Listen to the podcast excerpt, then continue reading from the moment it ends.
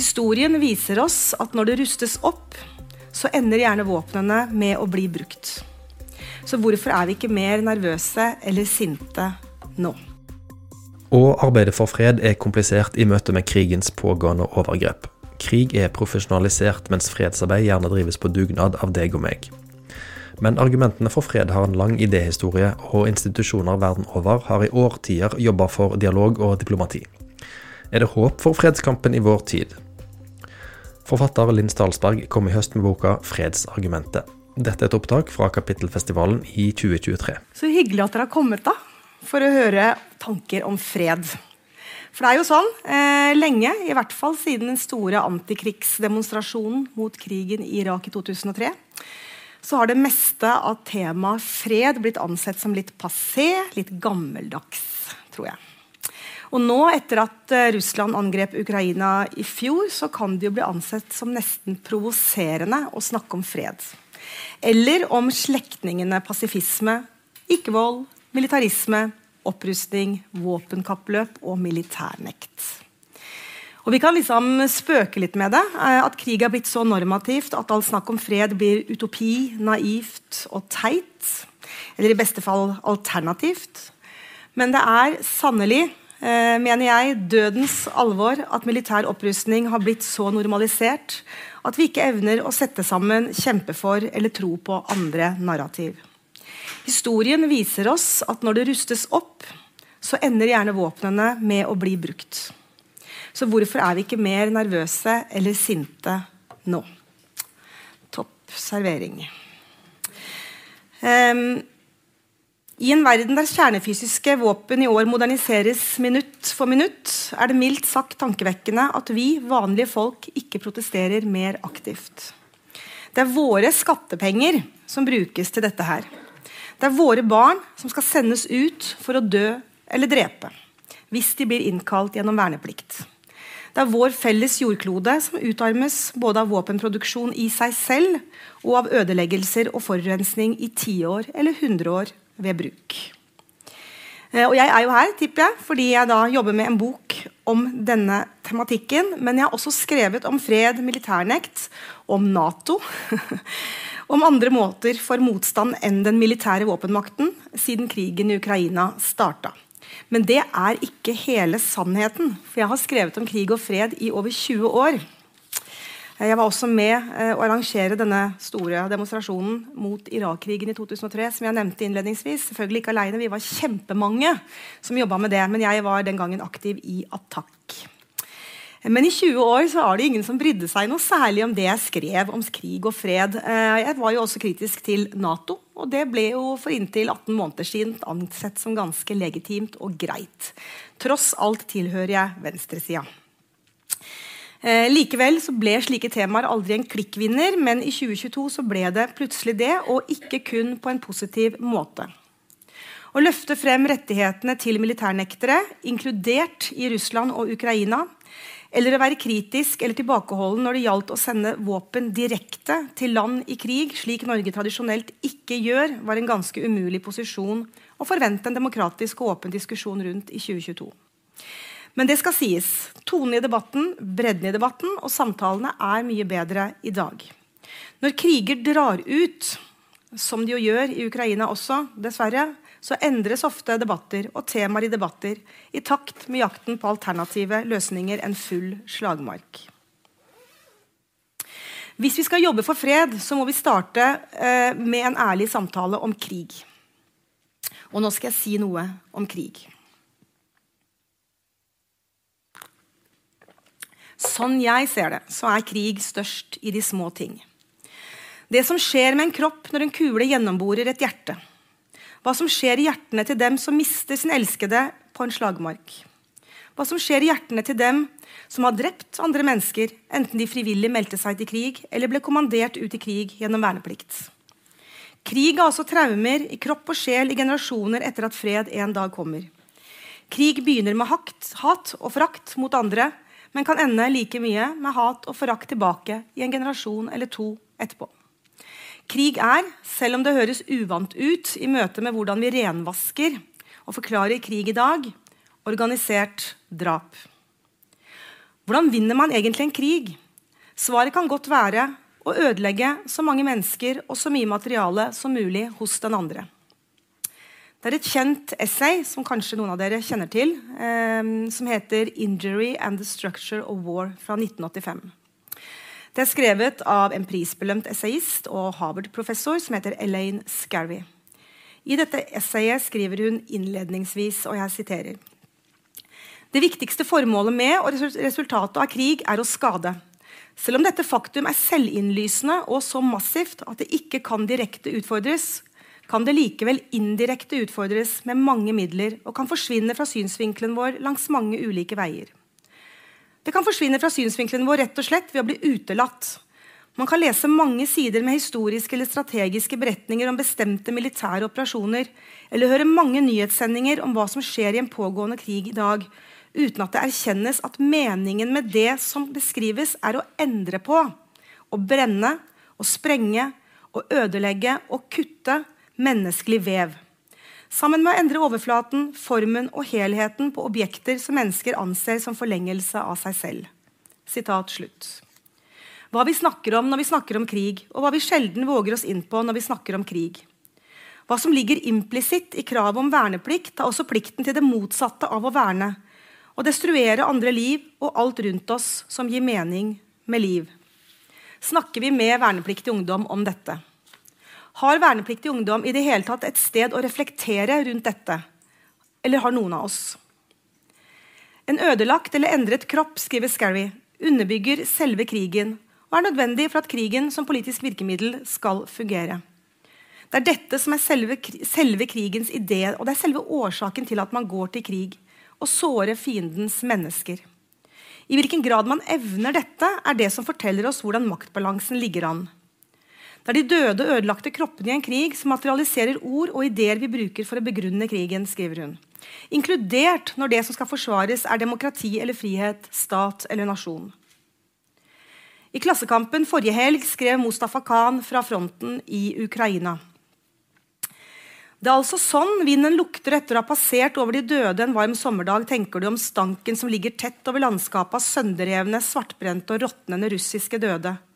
Noen lik har smeltet sammen med bakken, som streker, med armer, bein og rygger så forvridde at det trosser alle beskrivelser. Andre er vanskelig å skille fra krigens skrotrester. I tillegg er det som en gang har vært hoder, bein og ribbein, etter at fortvilte hunder og andre dyr har gnagd knoppene, kroppene reine. Vi snakker ofte om det store når vi snakker om krig. Store budsjetter, store våpen, store statsledere med store ord. Store invasjoner, store tap og store seire. Analyser av krig berører sjelden den enkelte soldat, den fortvilte sivile eller en sørgende mamma. Det finnes unntak, for det finnes god journalistikk, som det jeg nevnte over, eh, for eksempel, og det finnes stemmer som forteller. Men i det store og hele unngår vi blod, skrik og livredde guttunger. Og alle dem som må bruke våpnene som produseres og kjøpes og selges, eller som er ofre for dem. Og jeg tror at vi må gjenerobre denne type samtale når vi skal snakke om krig, for å få slutt på krig. På all krig for alltid. Og hvem er vi som skal få slutt på all krig? Jeg tipper at det store vi er folk flest. Alle vi som beordres ut i skyttergraver eller urbane kampsoner. Og alle vi sivile som rammes av krig direkte eller indirekte. Jeg skal si mer om eh, fredsbevegelsen etter hvert. Jeg er, som dere ser, ikke general. Jeg er heller ikke krigshistoriker, ikke humanitær arbeider med erfaring fra felt. Jeg er ikke utenriksjournalist eller diplomat. Likevel eh, mener jeg, så eier jeg og alle andre borgere verden over aksjer i debatter om krig og fred. Særlig gjør vi det i land med verneplikt, som vårt eget. Hvis mine sønner, og jeg har to tenåringer, beordres ut til å dø for staten, så skjer ikke det uten at jeg har et ord med i laget. For staten, det er oss. Hvorfor vi snakker så lite om verneplikt, og hva det faktisk innebærer av å skulle eh, lære å drepe og dø på kommando, eller hvorfor vi godtar at våre unge får null, ingen informasjon om at de kan nekte på pasifistisk eller annet verdigrunnlag, det forundrer meg. Jeg tror det kan handle om at alt militært har blitt en norm, noe vanlig, og at vi derfor ikke stusser over at det norske forsvaret har veldig glansede hjemmesider på Internett. For de er det. De er glanset. Det ser i sannhet gøy og spennende ut med store våpen og en actionpreget hverdag. Det er kanskje ikke like actionpreget og glanset å være fredsaktivist i dag. I alle tider, til enhver tid, er det strømninger i et samfunn som slår rot som sunn fornuft. Dvs. Si at det ikke lenger er meningsbryting mellom ulike synspunkter, som er bra i et demokrati, men heller at noen hevder å forvalte en fornuft, mens motstemmer opplever latterliggjøring, ikke å bli tatt på alvor og uansett mangler reell makt til endring. Når vi snakker om krig og fred i dag, Eh, hva slags politiske lurer jeg på, økonomiske, kulturelle, sosiale rammer beveger vi oss innenfor? Hvem er det som eier sunn fornuft i dag, og hvordan kom vi hit? Og jeg tenker at Militarismen og militariseringen i vår tid er så konsensusdrevet at det å slå et slag for fred, ikke-vold, militærnekt, pasifisme, forhandlinger, fredskonferanse eller diplomati er å anse som en kontrast, ikke til en annen mening, men til det som er natur, vanlig, det som bare er. Vår tids påståtte fornuft og realpolitikk handler om våpen, militære styrker, trusler, teknologi og sterke menn som synes å mene at det enkleste er pistol. Og det er det sikkert også noen ganger. Det virker modig, macho og handlekraftig. Veldig her og nå. Fredelige løsninger er ofte atskillig mer komplekse, langsiktige, fulle av dilemmaer og gruppearbeid på høyt nivå. Ordlyden rundt fred er mindre macho eller maskulin og mindre medievennlig enn krigens språk. Og Samarbeid for fred er mer slitsomt vertikalt, fordi man må inkludere grupper av vanlige folk i løsningen fremfor det mer behagelige horisontale på maktnivå, der vanlige folk bare må gjøre som vi blir bedt om. La oss tenke på noen tall. 19 000 milliarder dollar. 19, nei, 19 000 milliarder kroner. Ja, hvem vet hva det blir etter i år? Det er det verden bruker på militæret hvert eneste år. Altså Se dere for dere, Vi liksom runder året, kommer til 1.1 igjen, og det er nye 19 000 milliarder som pøses inn. Nyttår 19 000 milliarder pøses inn i militæret. Det er sikkert mer etter 2023. Dette er tall fra 2022. Eh, et norsk statsbudsjett er til sammenligning på 1500 milliarder kroner. Atomvåpen, altså, atomvåpenstatene moderniserer for tiden sine arsenaler. USA alene har planlagt å bruke 1200 milliarder kun på atomvåpen de neste 30 årene. Norge eksporterte våpen for nesten 3 milliarder i 2020, og det er jo mye mer som vi vet, etter krigen i Ukraina. Det er Nato-landene som kjøper mest våpen fra Norge. 80 000 milliarder kroner er summen USA brukte på 20 år i krigen mot terror. Rett etter den russiske invasjonen 24.2 i fjor så skjer det store ting militært sett som endrer oss veldig raskt. Tre dager etterpå sender Tyskland en stor mengde våpen til Ukraina. Tyskland brøt dermed over natten sin antimilitaristiske linje helt siden andre verdenskrig. Tyskland økte spontant militærbudsjettet med 100 milliarder euro. Selv om både USA, Storbritannia, Frankrike og Nederland også hadde sendt våpenbistand til Ukraina, mente forskere ettertid at det var den historiske avgjørelsen i Tyskland som gjorde at, som da, da, de brøt med sin antimilitaristiske tradisjon, som åpnet døra for at andre kunne gjøre det samme. F.eks. våpenbistand også fra oss og hastesøknaden inn i Nato fra Sverige og Finland. Som skjedde nesten uten debatt. Storbritannia, som sliter med massiv fattigdom, ikke minst barnefattigdom, lover nå å doble forsvarsbudsjettet innen 2030. Husk det her, det var ingen som var skeptiske til å direktesende våpen til Ukraina, som ba om våpenembargo. Eh, jeg tror mange kritikere går seg vill her. Eh, for det er dette bruddet med en tradisjonell linje om ikke å sende våpen til land i krig, som var det kritikerne var skeptiske til, og ikke at et land skal få lov å kjøpe våpen eh, som det vil. Norge er et paradoks. Vi liker å tenke på oss selv som en fredsnasjon, men vi er en av verdens største våpenprodusenter. Vi bombet Libya. Vi er medlem av atomvåpenalliansen Nato. Vi har i år akseptert amerikanske baser på vår jord. En nordmann leder verdens største militære allianse. Nato er ikke FN, selv om det i norske mediers hurrastemning noen ganger kan virke sånn. Vi liker å tenke på kongehuset vårt som en slags symbolsk, koselig sak. Men kongen er den øverste befalingsmannen i landet, med rang av general i hær og luftforsvar og admiral i Sjøforsvaret. Olav og Harald var begge utdannet på krigsskolen. Håkon gikk på Sjøkrigsskolen i tre år. Og Ingrid skal inn i militæret. Selvfølgeligheten i dette burde ikke være en selvfølgelighet. Det militære forsvaret er ingen nøytral posisjon å velge fra mitt ståsted, men tungt, politisk og privat. Et valg unge mennesker eh, burde ta mer bevisst enn de gjør i dag. At vi ikke har andre ideer rundt hva et forsvar kan være, enn det militære, sier mye om denne sunne fornuften jeg stadig vekk kommer innom. Hvor ble det så av militærnekterne, de som nektet å kjempe med vold, men som veldig gjerne ville lære om ikke-vold? Det er ikke lenge siden sivilarbeiderne var et vanlig skue og en del av samfunnet og hverdagen vår. Jeg husker dem jo fra barnehagen til ungene mine. Eh, for eksempel. det var jo alltid menn eh, den gangen, og gjerne med litt lengde på håret. Stortinget vedtok i februar 2012 under Jens Stoltenberg eh, å avvikle sivil verneplikt. Forsvaret hadde nok rekrutter, og siviltjeneste, som jo var en form for straff eller tvunget alternativ, var ikke lenger nødvendig. Hver gang man møtte militærnekter, ble man nødt til å tenke over valget hans. for det var jo alltid en han. Og levd pasifisme var en del av storsamfunnet og hverdagslivet. Etter at sivilarbeideren forsvant, har vi ikke lenger et kontor, et tidsskrift eller et miljø som samler dette tankegodset med pondus og selvsikkerhet. Dette var jo helt sikkert en stor gevinst for enkeltpersoner å slippe unna. Men vi som storsamfunn tapte på at pasifismen forsvant sammen med dem. Det samme året som det pasifistiske magasinet Balder så dagens lys i Norge, i 1961, så advarte den amerikanske generalen og president Dwight Eisenhower i sin avskjedstale mot det han kalte det militærindustrielle kompleks. Han pekte allerede den gangen på sterke bindinger mellom en enorm våpenindustri og høyt plasserte militære og politiske ledere som vil tjene på hverandre. Den ene part får våpen, den andre parten leverer dem.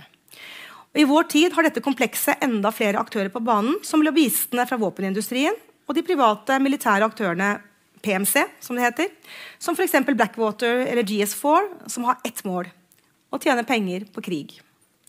Og dette er ingen konspirasjon. Det er ikke sånn at det sitter folk og trekker i tråder i en slags hemmelig klubb, slik man dessverre kan få inntrykk av blant noen aktører, eh, også i fredsbevegelsen, som, det, som, har gått seg vill i, i eh, berøring med hvert fall, konspirasjoner. Eh, og nærmest hevder at det er det militærindustrielle kompleks som regisserer kriger for egen fortjeneste. Men sånn er det ikke, tenker jeg. Men man kan tjene gode penger på faktisk krig. Og våpenindustrien og våpenlobbyen er svært mektige.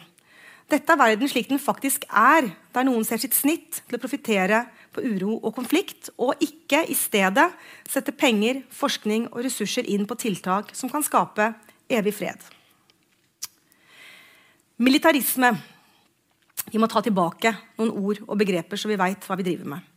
Militarisme betyr et samfunn der militæret anses å utgjøre tryggheten vår. Militarisering er hvordan myndigheter i et land tillater seg å bruke ressurser som landområder, mennesker eller statsbudsjett for å sette militariseringen ut i praksis. Militarismen er i dag en selvsagt del av et marked som alt annet. Det finnes som nevnt økonomiske vinnere i krig. I vår tid er krig mer enn noen gang forakt for alt liv. Ikke bare menneskeliv, men alt levende. Våpenproduksjon krever energiproduksjon og naturens råmaterialer. Bruk av militært utstyr forurenser enormt til lands, vanns og i luft. Brutale ødeleggelser av viktig, avansert og kjær infrastruktur, forgiftning av matjord, skoger, lekeplasser og bakgårder. Alt arsenal som blir liggende i naturen i tiår på tiår. Alt dette orker vi nesten ikke tenke på. Krig fremstår i vår tid som en del av et kollektivt selvmord. I en tid hvor vi allerede driver harakiri på oss selv med klimakatastrofer og naturødeleggelser. Det burde ikke være lov. Målet med den boka jeg jobber med, og som jeg håper kommer før jul, er å vise at det fins andre måter å møte konflikt på enn å tenke krig og våpenbruk. Men at alt dette andre i vår tid kan virke litt sånn fluffy og fjernt og uangripelig og kanskje veldig retro. Men å være pasifist eller tilhenger av ikke-vold har alltid vært livsfarlig. Folk har i alle tider, altså folk som inntar disse posisjonene, har i alle tider blitt arrestert, trakassert, torturert, forfulgt, latterliggjort, og noen har fått dødsstraff for å nekte å krige eller å nekte å drepe. Stater og statsledere har alltid irritert seg over folk som nekter vold og militærtjeneste, og de har alltid vært redd dem. Slike folk kan true det bestående narrativet og dagens elite. Så husk det her. Det er forskjell på å være villig til å dø for en sak eller drepe for en sak. Mange som nekter militærtjeneste, har ofra livet sitt for saker. Det trenger ikke å være en passiv posisjon å være pasifist. Det kan eh, være det. For noen er pasifisme en levemåte og nesten noe spirituelt. Derfor er det ikke alle ikke-voldstilhengere som kaller seg pasifister. Noe av det jeg ønsker å vise frem i boka, er likevel at mange pasifister og tilhengere av ikke-vold ofte er det jo de samme folka også, var modige, aktivt kjempende. Og ikke ofte var de bare imot krig, men dette var jo også de samme folka som kjempet for andre rettigheter. Frihet for slaver i eh, Amerika. Stemmerett og andre rettigheter for kvinner, urfolk. Frihet fra fattigdom og undertrykking. Jobb mot sosial nød. De fleste av oss kan forestille oss saker, verdier eller mennesker vi er villige til å ofre livet for. Det kan også være saker, verdier og mennesker vi er villige til å drepe for. Likevel er det for mange av oss en større avstand mellom å dø for noe eller å drepe for noe. En sultestreik for eksempel, kan få en dødelig utgang, og en desertør fra en krig kan stilles opp mot en vegg og henrettes av sine egne. Ikke-voldelige protester så stiller man seg gjerne opp og med viten og vilje risikerer å bli utsatt for vold uten å bruke samme metode tilbake. Å drepe for en sak derimot, er noe ganske annet. Det innebærer å ta noen andres liv for saker, verdier eller mennesker du finner viktige, viktigere og mer verdifulle enn det mennesket og dennes verdisett du avslutter livet til. Og jeg tror Mange av oss kan forestille oss situasjoner der vi kunne gjort hva som helst for å redde noen som står oss nær, f.eks. barna våre. Men å gripe etter et eh, nærmeste, eh, nærmeste skarpe gjenstand for å redde et barn fra livsfare der og da, til å lære seg å bruke våpen med det mål å drepe noen du ikke har noe uoppgjort med, under kommando, de to tingene er noe ganske annet. Når man blir møtt med argumentet ja, men 'vil du ikke beskytte barnet ditt', så er det akkurat dette jeg snakker om. Jeg vil gjøre alt for barnet mitt. Jeg kan sikkert drepe for barnet mitt en, i en akutt situasjon, men det er noe annet enn å iføre seg uniform og bli bedt om å stå ansikt til ansikt med et menneske som jeg, eh, som jeg ikke kjenner, og som jeg ikke vet noen ting om. Og drepe fordi noen ber meg om det. Forskjellen mellom å dø og drepe for en sak befinner seg i et etisk og moralsk landskap vi altfor sjelden vandrer i. Men det burde vi, og ikke minst burde alle som skal ut i verneplikt, inviteres inn i det landskapet.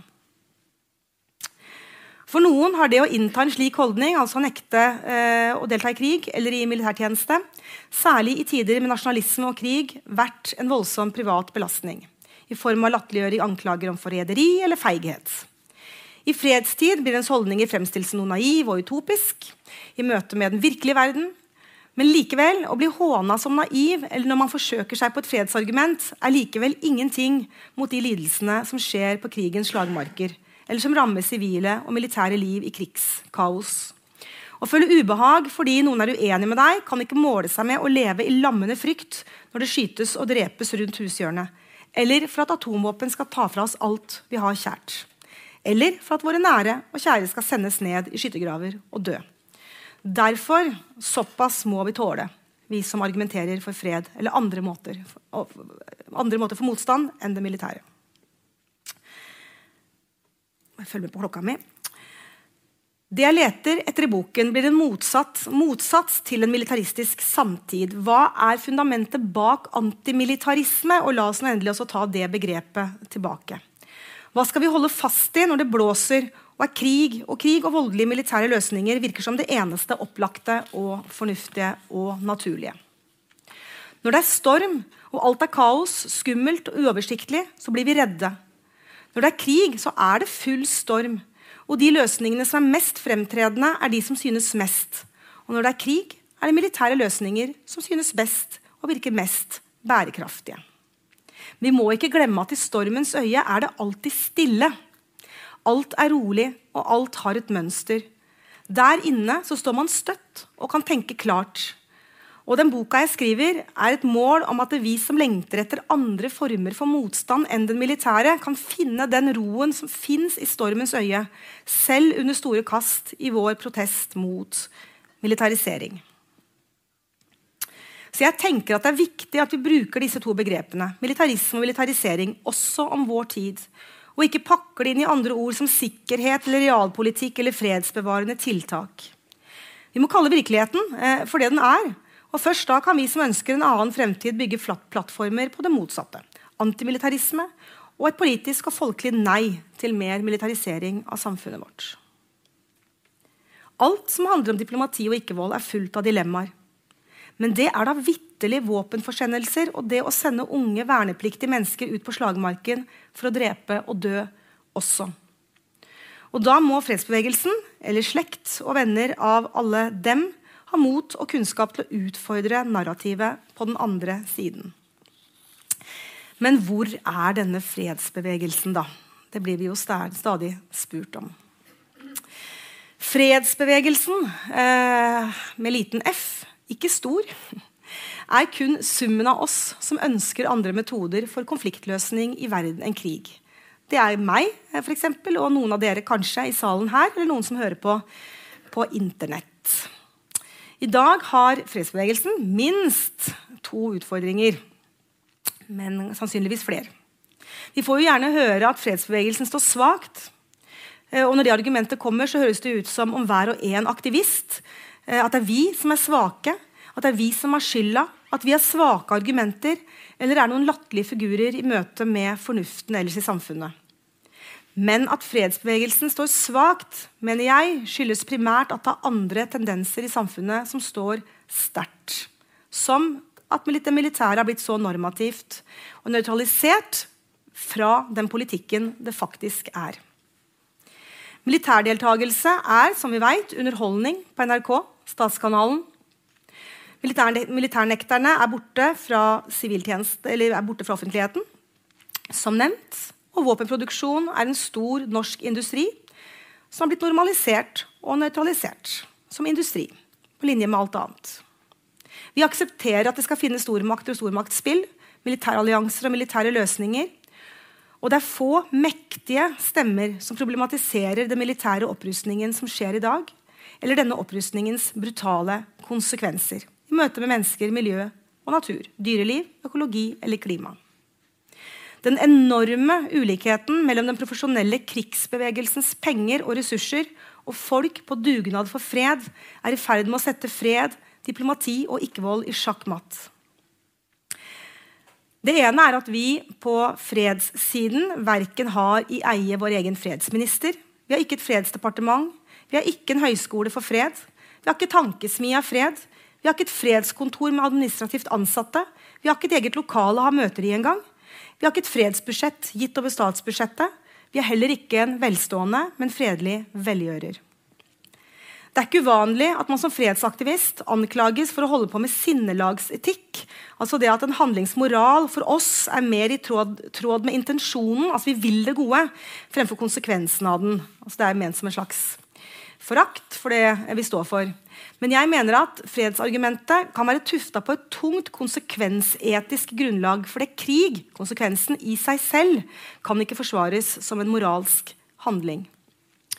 Og Man trenger ikke å være pasifist for å være enig i at dersom folk altså jeg tenker at dersom folk eller stater i siste instans blir truffet, tvunget til å bruke våpenmakt, så må det være å anse som et nederlag.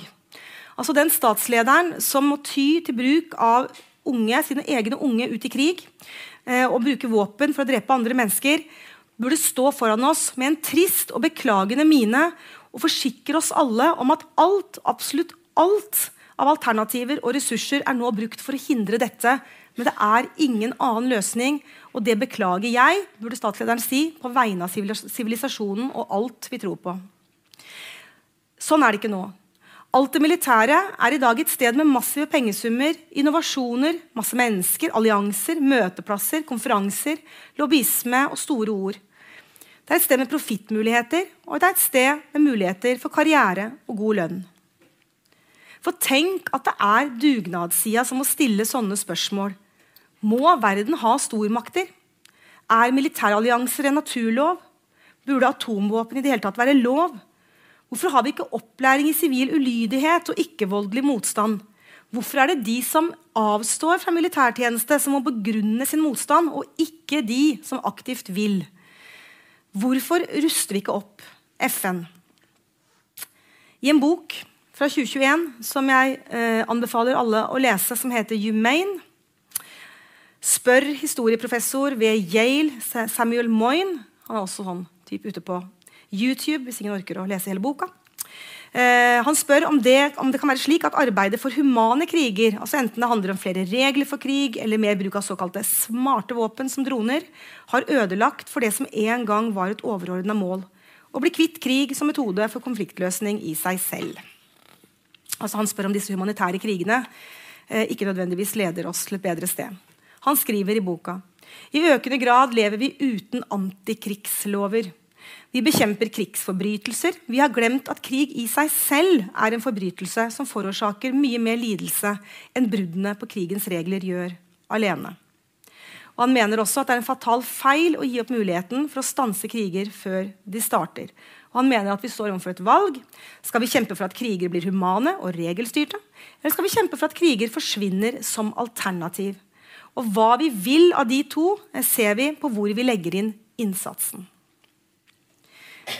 Vi som vil bli kvitt krig helt, og noen av oss vil det, vi må først begynne å snakke om hva krig faktisk er, i tråd med Elaine Scarries refleksjoner som jeg leste innledningsvis. Vi må snakke om å forestille oss hva, faktisk, hva, som faktisk skjer når en kropp blir sprengt i biter eller ligger stykkevis og delt på en åker eller en bygate. Snakker vi nok om hvordan redsel og frykt setter seg i en ung kropp på en slik måte at mennesket aldri blir det samme igjen, selv flere tiår etterpå? Jeg kan eh, fortelle at da jeg det er flere grunner til at jeg selv valgte å kalle meg eh, pasifist. Jeg var jo jente, og det var ikke verneplikt, så det var jo ikke noe viktig valg å ta. på den måten. Men jeg bodde i England på 90-tallet og møtte mange av de første krigsveteranene fra den første Irak-krigen, som noen av oss som er over 40 husker. De krigsveteranene de var eh, 21 år. Eh, de var ikke gamle gutta, men de var helt ødelagte eh, som mennesker.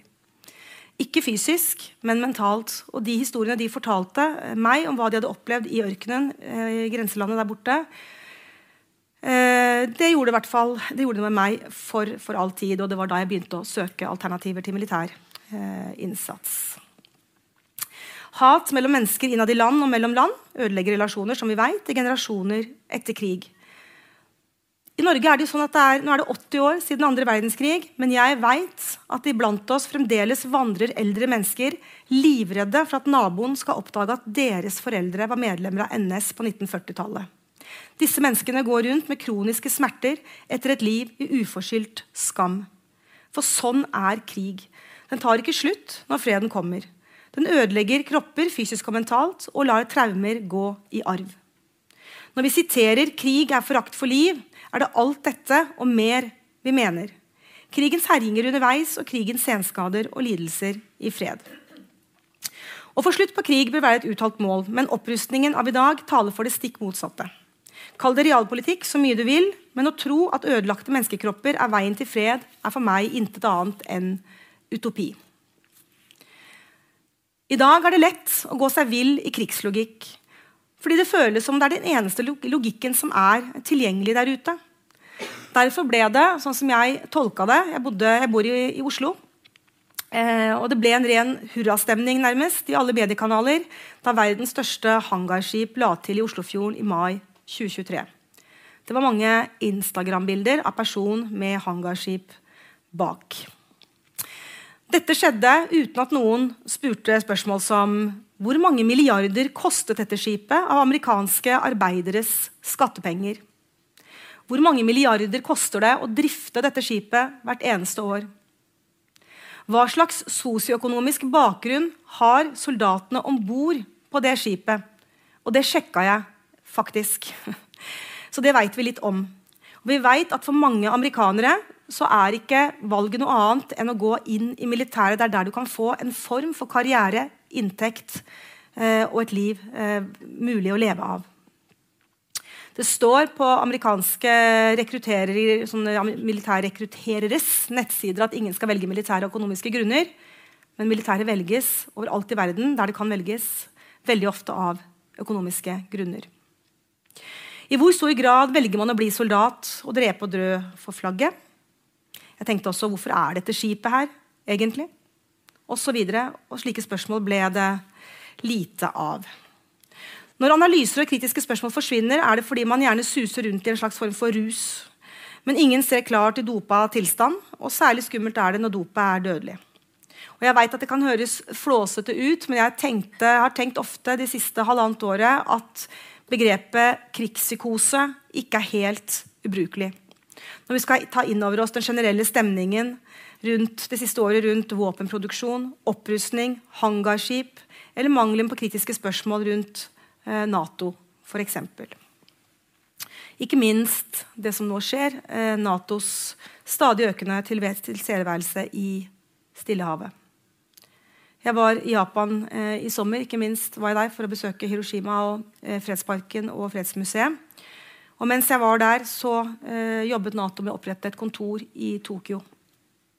Og jeg skjønner ikke hvorfor i all verden de gjør det. Er ikke dette en transatlantisk allianse? Sånne spørsmål er vanskelig å stille, og de er vanskelig å stille ikke bare fordi vi er i den tiden vi er, men også fordi vi har en nordmann som leder av Nato, en som mange av oss er, er glad i. Eh, og, og, som gjorde en innsats vi aldri kommer til å glemme etter 22.07. Og det er vanskelig å kjenne seg kritisk. Jeg tenker av og til at det hadde vært veldig interessant om den neste lederen av Nato var f.eks. fra Ungarn, fra Tyrkia eller fra USA. Så kan vi se om kritikken kanskje kunne få et lite spillerom igjen. Men ingen vil jo ha krig, hører man, og heldigvis er det sant. Særlig hvis man ser for seg at verdens, majoriteten av verdens befolkning er folk flest. Livet er da sannelig for de fleste av oss utfordrende nok i fredstid om vi ikke i tillegg skal få en bombe i hodet.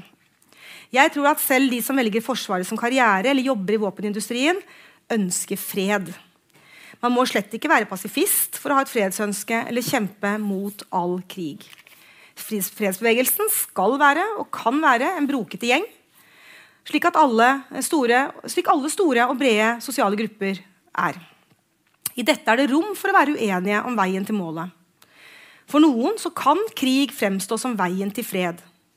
For andre kan dette virke som en umulig påstand eller metode.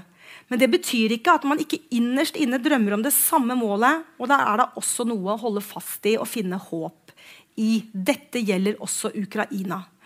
I diskusjonen rundt Ukraina så ble det nesten sånn eh, at det foregikk en form for eh, konkurranse rundt hvem som, som, var mest opprørt og hadde mest vondt av ukrainske menneskers lidelser. Eh, den syns jeg vi bare skal legge stein eh, død. Det er, ikke, det er ikke det diskusjonen på noen måte handler om. Jeg tror vi alle har svært vondt av og er veldig bekymret for mennesker som lever i krig, enten det er i Ukraina, i Jemen, Palestina eller andre steder.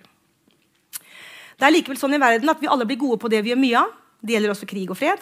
Og det er liten tvil om at det satses enormt mye mer penger, ressurser, mennesker og popkultur på alt som handler om militærvesen, vold, uniformer, forsvar, høyskoler, departement, allianser, teknologi og krig, enn det satses på dialogkunnskap, opplæring i ikke-voldelige aksjoner, pasifistisk ideologi og tilhørende menneskesyn, diplomati, folk-til-folk-samarbeid, FN og internasjonale fredskonferanser. Jeg for eksempel, skulle gjerne lært mer om sivil ulydighet eller ikke-voldelige aksjoner. Jeg vet f.eks. ikke hvor jeg skal finne en kjetting hvis jeg ønsker å lenke meg fast, eller hvordan man går på do mens man sitter der i den lenka. Sånne ting har jeg lurt på hvis det kommer eh, til en situasjon hvor det er verdier eh, jeg ønsker å forsvare. Kanskje til og med med livet som innsats. Fred er noe man må jobbe med kontinuerlig og ikke komme på banen med når krig allerede er i gang, slik som altfor ofte skjer. Det samme gjelder jo andre kamper. Klimakampen kan ikke skje når jorda er ødelagt. Folk som jobber mot menneskerettighetsbrudd i dag, jobber jo også for å hindre det i fremtida. Til enhver tid. Vi har alle svikta fredskampen, også jeg. Vi har svikta som sivilsamfunn, og vi har svikta på politisk nivå. Krig er alltid et nederlag for sivilisasjonen. Arbeid for ikke-voldelige løsninger eller å bekjenne seg til pasifistisk overbevisning og praksis, og arbeide for fred på bakkeplan eller diplomati, alt dette må vi jobbe med å etablere som det mest normale av alt. Og nettopp derfor, i denne andre normalen, må vi kreve av våre myndigheter at det settes av ressurser til dette arbeidet. Også noen fredsaktivister må ha det som fulltidsjobb. Bertha von Suttner, som noen av dere kjenner til, garantert skrev boka 'Ned med våpnene' på 1800-tallet og fikk Nobels fredspris i 1905. Hun holdt sitt nobelforedrag i Kristiania som det het da, i 1906, og ble introdusert av forfatter og fredsaktivist Bjørnstjerne Bjørnson. Han sa da han introduserte henne Nei, det sa han ikke. Hun sa selv etter introduksjonen. De som arbeider for fredstanken, er fullt klar over hvor liten makt de har. De vet hvor svake de er, og hvor få de er. Men selv om de tenker beskjedent om seg selv, så tenker de alt annet enn beskjedent om den saken de tjener. For den er den største som noe menneske kan arbeide for. Og Det tenker jeg får være beskjeden vi tar med oss fra Bertha von Suttner når vi i dag skal redde en klode ikke bare fra krig, men også fra vår tids kriser som eh, Bertha ikke forholder seg til på samme måte, naturlig nok. Klimakriser som ikke bare forverres av krig, men som kan føre til mer krig.